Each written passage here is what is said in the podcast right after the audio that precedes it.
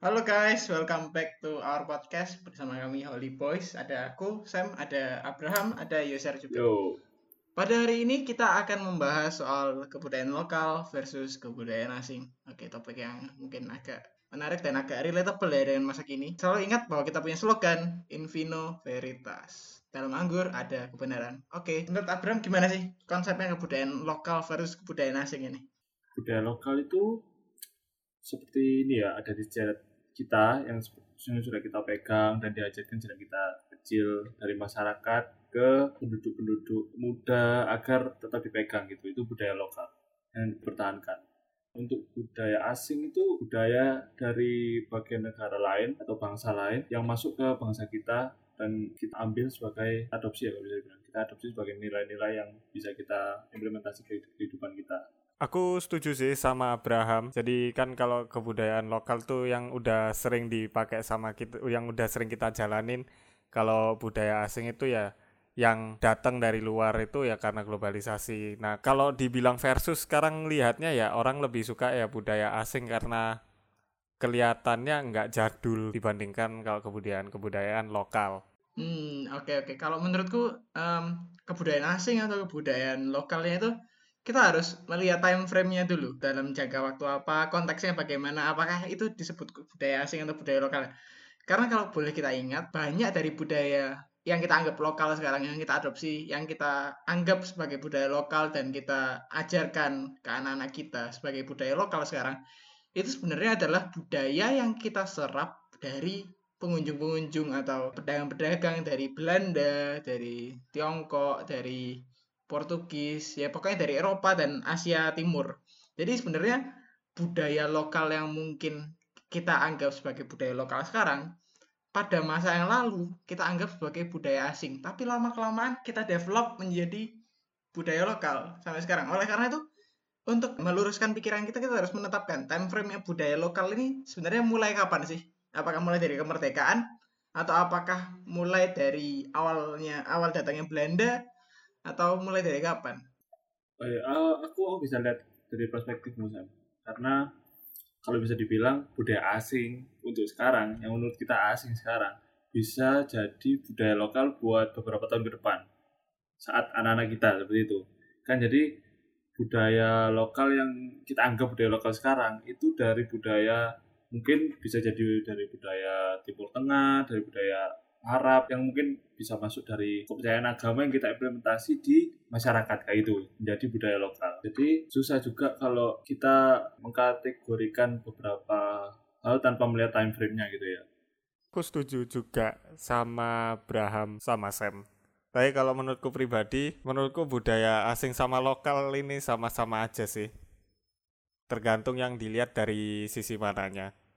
Kalau budaya lokal mau dilihat jeleknya pun juga ada, kalau budaya asing mau dilihat jeleknya pun juga ada. Literally cuma paling beda cara penerapan. Penerapan di lingkungan sosial masyarakat, terus di keluarga, bahkan mungkin sama orang yang lebih tua atau yang lebih muda. Itu ada perbedaan dikit-dikitnya lah, kayak unggah-ungguhnya itu yang beda. Buat aku rasa dua-duanya juga sama aja sih. Mereka punya caranya beda-beda. Jadi mau dibilang budaya asing itu jelek, enggak sih menurutku. Um, ya mungkin kita kita harus menghilangkan sifat merasa kalau budaya yang kita miliki itu sangat jauh lebih unggul dan sangat flawless dibanding dengan budaya asing.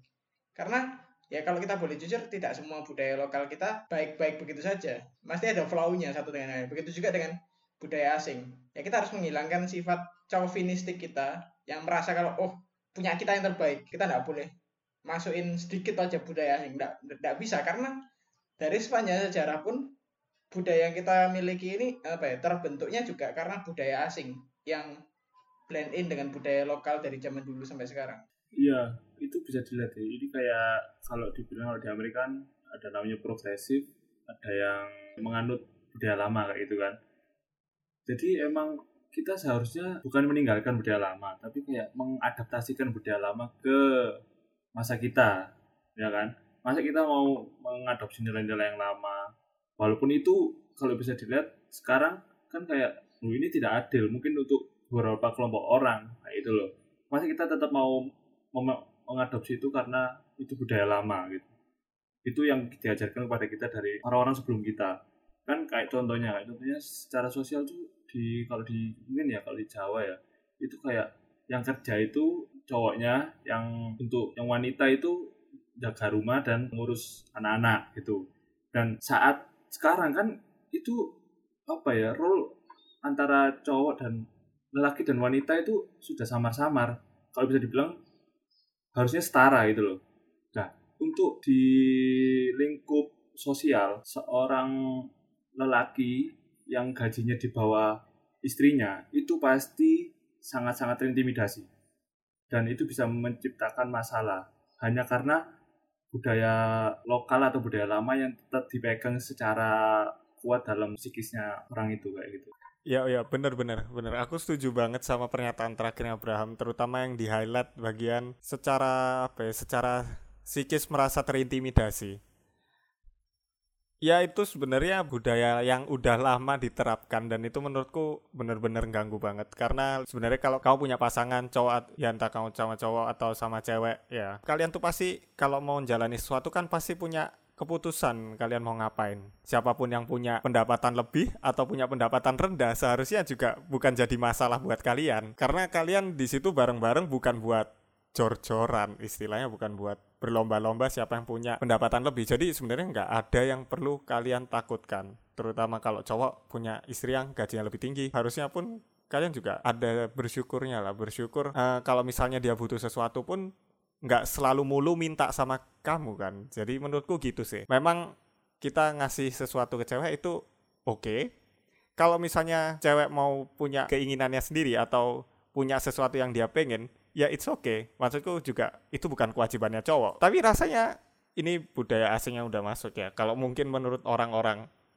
Karena kalau menurutku sih itu seharusnya orang sekarang harusnya paham lah. Itu bukan masalah. Ya kalau kalau menurutku gini sih uh, kalau menurutku pribadi sih ya uh, cowok itu harusnya memiliki gaji yang lebih tinggi daripada cewek. Kalau kalau aku ya kalau kalau aku pengennya ya apa ya aku aku harus menghasilkan lebih daripada yang istriku da, istriku hasilkan. Karena ya pertama ada pride dari situ dan kedua istriku ini tidak cuma kerja dia juga ngurus anak. Karena role-nya perempuan dalam mengurus anak ini sangat jauh lebih berkualitas daripada kalau kita ngurus anak. Kalau kita boleh jujur kayak gitu ya. Nih karena kadang karena perempuan ini memiliki kelembutan tersendiri yang tidak bisa laki-laki hasilkan. Dan kayak if uh, kalau misalnya penghasilanku lebih rendah dari perempuan kan kayak dia ngerjain double duty meskipun menurutku ya ya kita tidak harus merasa terintimidasi ya tapi kita memang harus do better uh, perempuan kita menetapkan standarnya segini ya we should do our best to surpass her standard. Uh, kalau menurutku sih tadi sebenarnya pernyataanku itu bukan menganggap kayak ya udah kalau misalnya cewekmu pengen punya gaji lebih tinggi ya kamu santai-santai aja enggak, bukan itu. Kalau santai-santai ya jenenge konseng bajingan like kayak gitu. Karena menurutku gitu sih. Enak, enak. Nah, cowok mau jadi buat ngasuh anak pun juga gak masalah. Cewek buat ngasuh anak terus dia mau kerja, itu juga gak masalah. Itu kan juga keputusannya mereka. Ya kalau emang kamu pengen punya gaji yang lebih tinggi dari cewekmu ya nggak masalah. Kalau cewekmu pengen punya gaji lebih tinggi dari kamu juga gak masalah kan. Tapi jangan sampai itu dijadiin kayak uh, ajang balapan atau mempertahankan pride? Karena menurutku ya yang bikin itu muncul jadi pride kan karena harga diri ini sendiri juga bentukan dari kebudayaan yang udah terbentuk kan. Tapi tetap perlu diingat disclaimer on ya disclaimer on. Karena nggak semua orang bisa juga nerima pernyataan ini. Oke gimana gimana Ram Oke, sebelum ini semakin asik bahas tentang witch ya antara male and female, kita kembali ke budaya lokal dan budaya luar. Jadi untuk budaya lokal, budaya lokal itu banyak yang dibilang kalau kita kehidupan sehari-hari ya banyak yang kalian sering dengar gini gak sih? Uh, orang tua itu pasti lebih banyak tahu daripada kita gitu. Kayak bilangnya mereka sudah jalan lebih jauh daripada kita itu loh.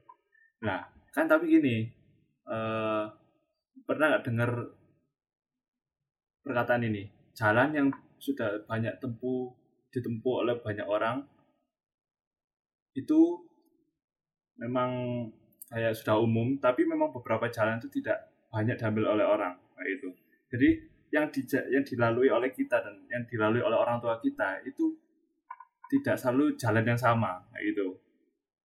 Jadi bisa saja kita berjalan kita mengetahui tentang beberapa hal tentang hal yang orang tua kita tidak ketahui kayak itu loh.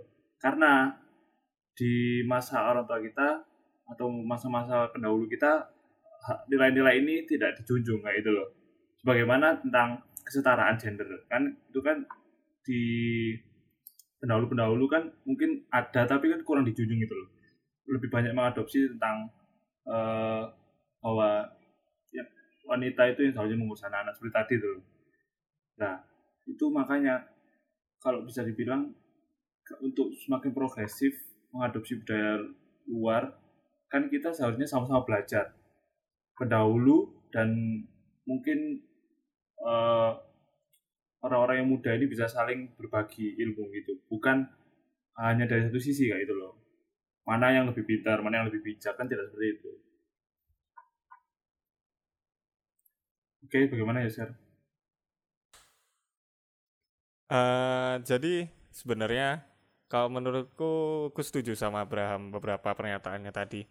Tapi masalahnya sekarang justru anak-anak yang bakal nerusin terutama yang muda-muda ini yang semak di bawahnya kita mungkin setara sama apa sepantaran sama kita pun itu malah mikirnya semakin kuno menurutku. Kenapa malah mereka kayak nganggep ya yang lama ini paling baik ya. Kenapa? Karena aku nggak ngerti mereka diajarinnya gimana. Nggak mau nyalahin orang tuanya juga. Ya tapi mau nyalahin orang tuanya juga bisa dibilang iya sih. Soalnya kalau misalnya anaknya terlalu dikekang untuk ngikuti apa yang sudah jadi orang tuanya pegang dari dulu sampai sekarang ya untuk memahami tentang kesetar contohnya salah satu kayak kesetaraan gender ataupun uh, mengadopsi budaya asing untuk untuk di akulturasi dengan budaya lama itu nggak akan terjadi kalau misalnya terus-terusan mereka mematok budaya yang paling benar ini ya budaya yang sudah lama berjalan gitu. Menurutku gitu sih. Permasalahannya sekarang justru yang lebih muda ini malah lebih lebih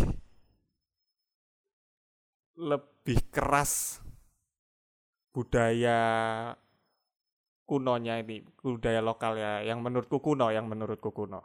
Uh, aku cuma mau nambahin aku cuma mau nambahin sedikit aja.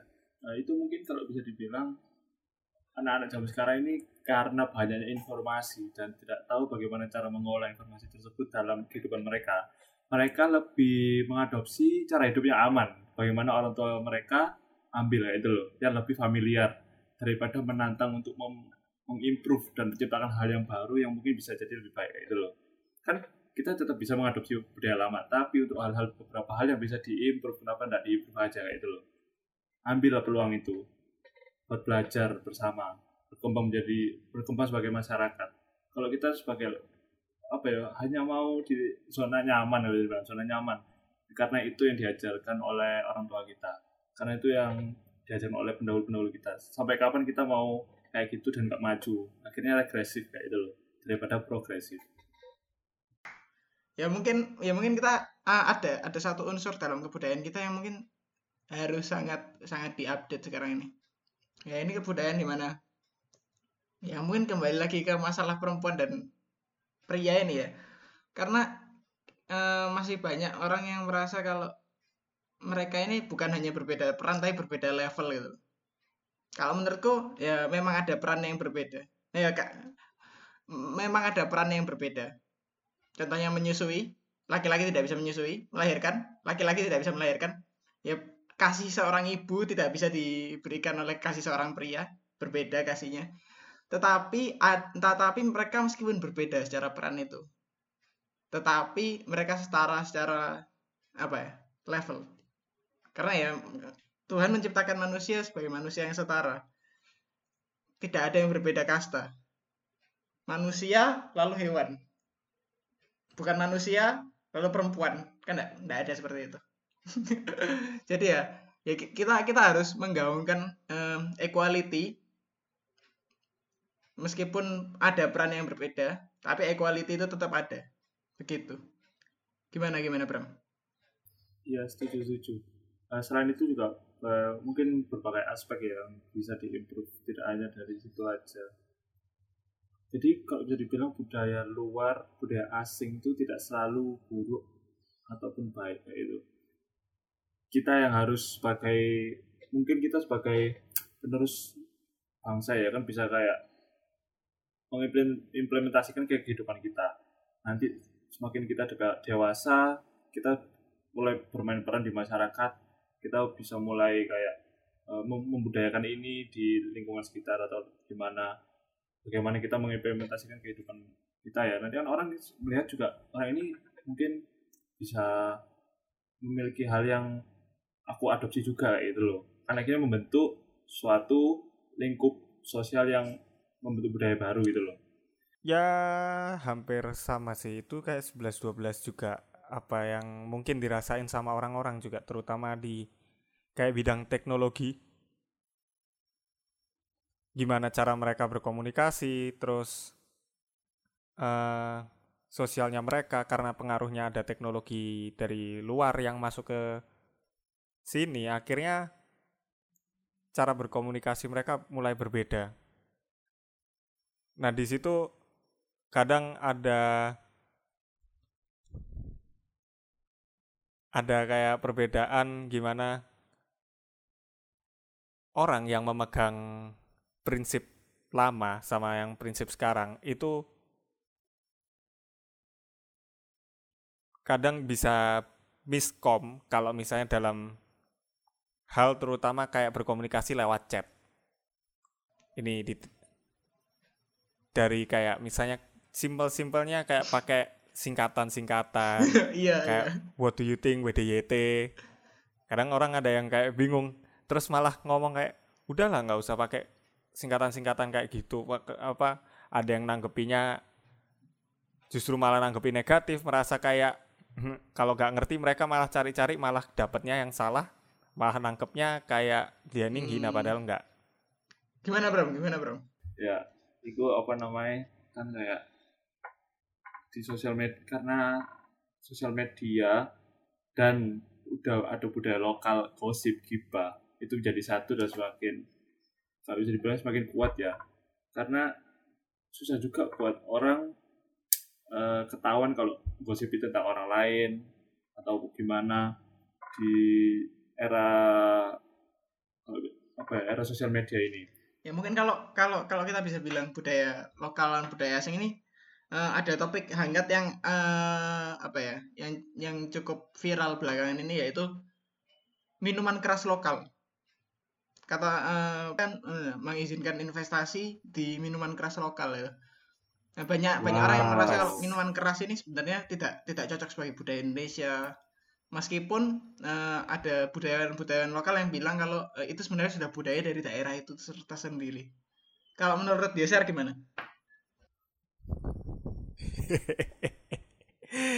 Uh, menurutku ya, hmm. ke miras itu udah bagian dari kehidupan orang ya. Kalau misalnya baru rame sekarang rasanya uh, telat banget Iya bener, telat telat banget. Dari zaman dulu udah ada miras. Telat. Bahkan mau dibilang lokal atau dari luar, bahkan orang aja mungkin nggak bisa bedain sekarang. Pokoknya minum enak, anget. Yang aku tahu kan gitu. Jadi kalau menurutku eh, terlalu meributkan kayak apa ya? Eh Soalnya kalau yang aku lihat ya, kalau yang rame, yang viral, itu justru ngomongi moral. Bukan mereka itu lebih menunjukkan kalau orang yang minum miras itu gak bermoral. Kalau yang aku tangkep gitu. Yang mereka highlight itu cuma di bagian moral. Bukan perkara minuman kerasnya. Well, kalau menurutku sedikit. Maaf. Munafik. Munafik banget. Karena aku nggak percaya ya aku nggak ngerti orang yang menolak itu juga minum atau enggak tapi kalau menurutku menolak itu juga rasanya nggak pas deh kayak ya kalau emang kalian nggak minum nggak usah ikut ribut gitu. Biarkan aturan ini ngatur orang yang emang minum. Ya itu urusan moralnya mereka. Jadi mau ada apa-apa ya biarin itu urusannya mereka yang minum. Just that simple. Toh ya kalau ada apa-apa yang kena ya mereka. Kan itu aturannya. Iya, eh, itu benar sekali. Kalau moral ya, masa masa ya, bayangin aja, kamu mau menekankan moralmu ke orang lain, kayak kamu itu siapa? kamu itu siapa kayak kayak gitu, kayak cara hidup kita itu bukan bukan berarti bagaimana cara hidup semua orang untuk melakukan itu loh hidup mereka. Bahkan eh, kalau di agama Islam pun dibilangi eh, agamaku, agamaku, agamamu, agamamu. Itu intinya kayak biarkan orang untuk mengadopsi moral mereka sendiri dan kita untuk kita moral kita sendiri. Untuk apa kita menekankan? Kayak itu loh. Mungkin hal yang kita anggap buruk untuk kita, untuk orang lain itu bisa baik untuk kehidupan mereka. Seperti contohnya untuk orang-orang yang menikmati alkohol bisa berkumpul dengan sesama itu dan mungkin ini bisa menjadi sumber pencaharian mereka bisa memperluas uh, lingkup sosial mereka kan bukan berarti kayak minum alkohol uh, mereka tidak peduli dengan kehidupan mereka dan kehidupan sosial mereka gitu uh, kalau menurut aku ya dan dan sebagaimana aku mengetahui Holy Boys pun sukanya Amer seperti itu Hollywood pun sukanya Amer. Itu pun lokal, produk lokal ya. Sebenarnya sebenarnya uh, tidak masalah kita uh, apa yang kita nikmati karena ya asal asal kita tidak menikmatinya melebihi apa yang seharusnya apa yang batasan yang sudah ditetapkan ya ya kita we should do fine. Karena yang penting dari melakukan sesuatu adalah melakukan sesuatu dengan balance yang tepat. Bukan dengan sesuatu dengan over over drinking over melakukan sesuatu dengan over itu tidak baik. Melakukan sesuatu dengan under mungkin mungkin baik mungkin tidak tapi ya kita melakukan sesuatu harus dengan balance yang tepat. Jadi apakah apakah orang yang minum minum apa miras lokal itu atau miras impor juga itu moralnya jelek? Belum tentu. Karena koruptor koruptor pembunuh pencuri belum tentu mereka menikmati alkohol. Orang dengan moral baik banyak yang menikmati alkohol. Orang dengan moral buruk banyak yang menikmati alkohol. Banyak yang membenci alkohol juga. Jadi standar moral baik moral buruk dari alkohol itu saya rasa tidak pas ya Yusuf gimana uh, aku setuju sama Sam juga sama Abraham kalau ada yang bilang miras ini budaya uh, budaya yang im, uh, budaya impor ya budaya asing yang masuk ke ini yang akhirnya ganggu budaya lokal justru menurutku salah sih. Kenapa?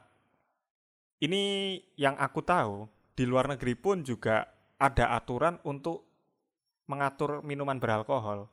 Jadi penggunanya harus minum di pada tempatnya yang sesuai dengan tempatnya. Dan yang aku lihat dari naskah perpresnya yang sempat di mau disahkan ini, itu juga isinya 11-12 dengan aturan yang ada di luar negeri. So jadi kita bisa ngeliat kan di sini kayak ada budaya asing yang diadopsi ke budayanya di Indonesia ini untuk ngatur jadi lebih baik. Kalau dulu mungkin sebelum ada perpres ini ya, kalau menurutku kececeran orang yang mau minum itu di mana-mana bisa. Kayak ya kadang kayak beli di pinggir jalan atau ada orang kayak orang yang nggak kelihatan terus kayak kau tahu orang ini ternyata jual, ya kamu tinggal ngomong jual. Nah, di luar negeri itu aturannya kamu beli pada tempatnya yang seharusnya. Kalau kamu beli di luar tempat yang seharusnya, kamu bisa kena pidana. Sama dengan yang mau diterapkan di sini. So menurutku itu baik kalau misalnya itu ada, bukan bukan malah membuat kita jadi gak bermoral. Justru itu biarkan itu ada supaya nggak mengganggu orang. Soalnya kenapa? Kalau misalnya kita di luar, terus akhirnya kita hilang kendali, tuh banyak ada kasus kecelakaan karena mereka mabuk, nubruk orang naik mobil karena mereka mabuk. Istilahnya kan kayak jadi orang nggak tahu batasannya kalau misalnya nggak diatur sesuai batasan yang ada di tempatnya. itu biarkan legal tetap legal. Kalau emang kamu menurutmu itu gak sesuai dengan moralmu ya gak usah minum gitu.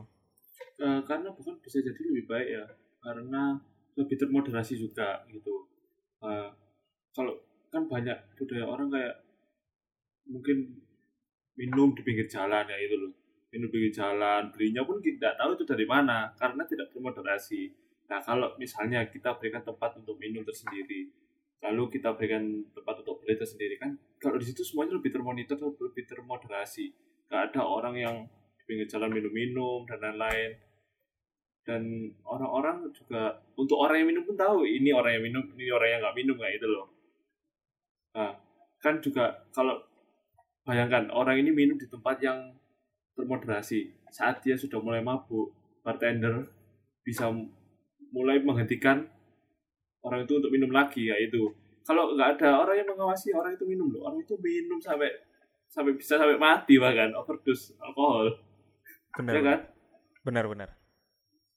malah seharusnya eh, implementasi peraturan ini baik karena memoderasi untuk orang-orang yang tidak bisa memoderasi diri mereka sendiri seperti itu.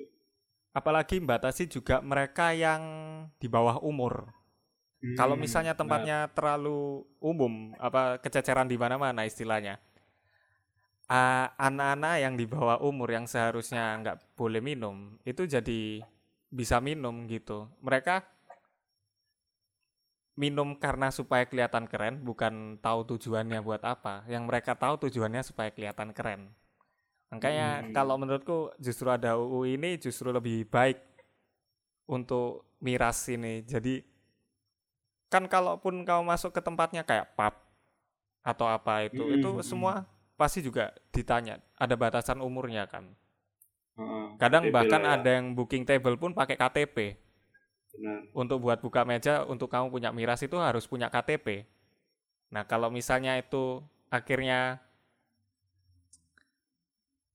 nggak ada istilahnya dihilangkan ke apa peraturan itu benar-benar akhirnya dicabut dan karena alasan itu merusak moral. Eman sih kalau menurutku.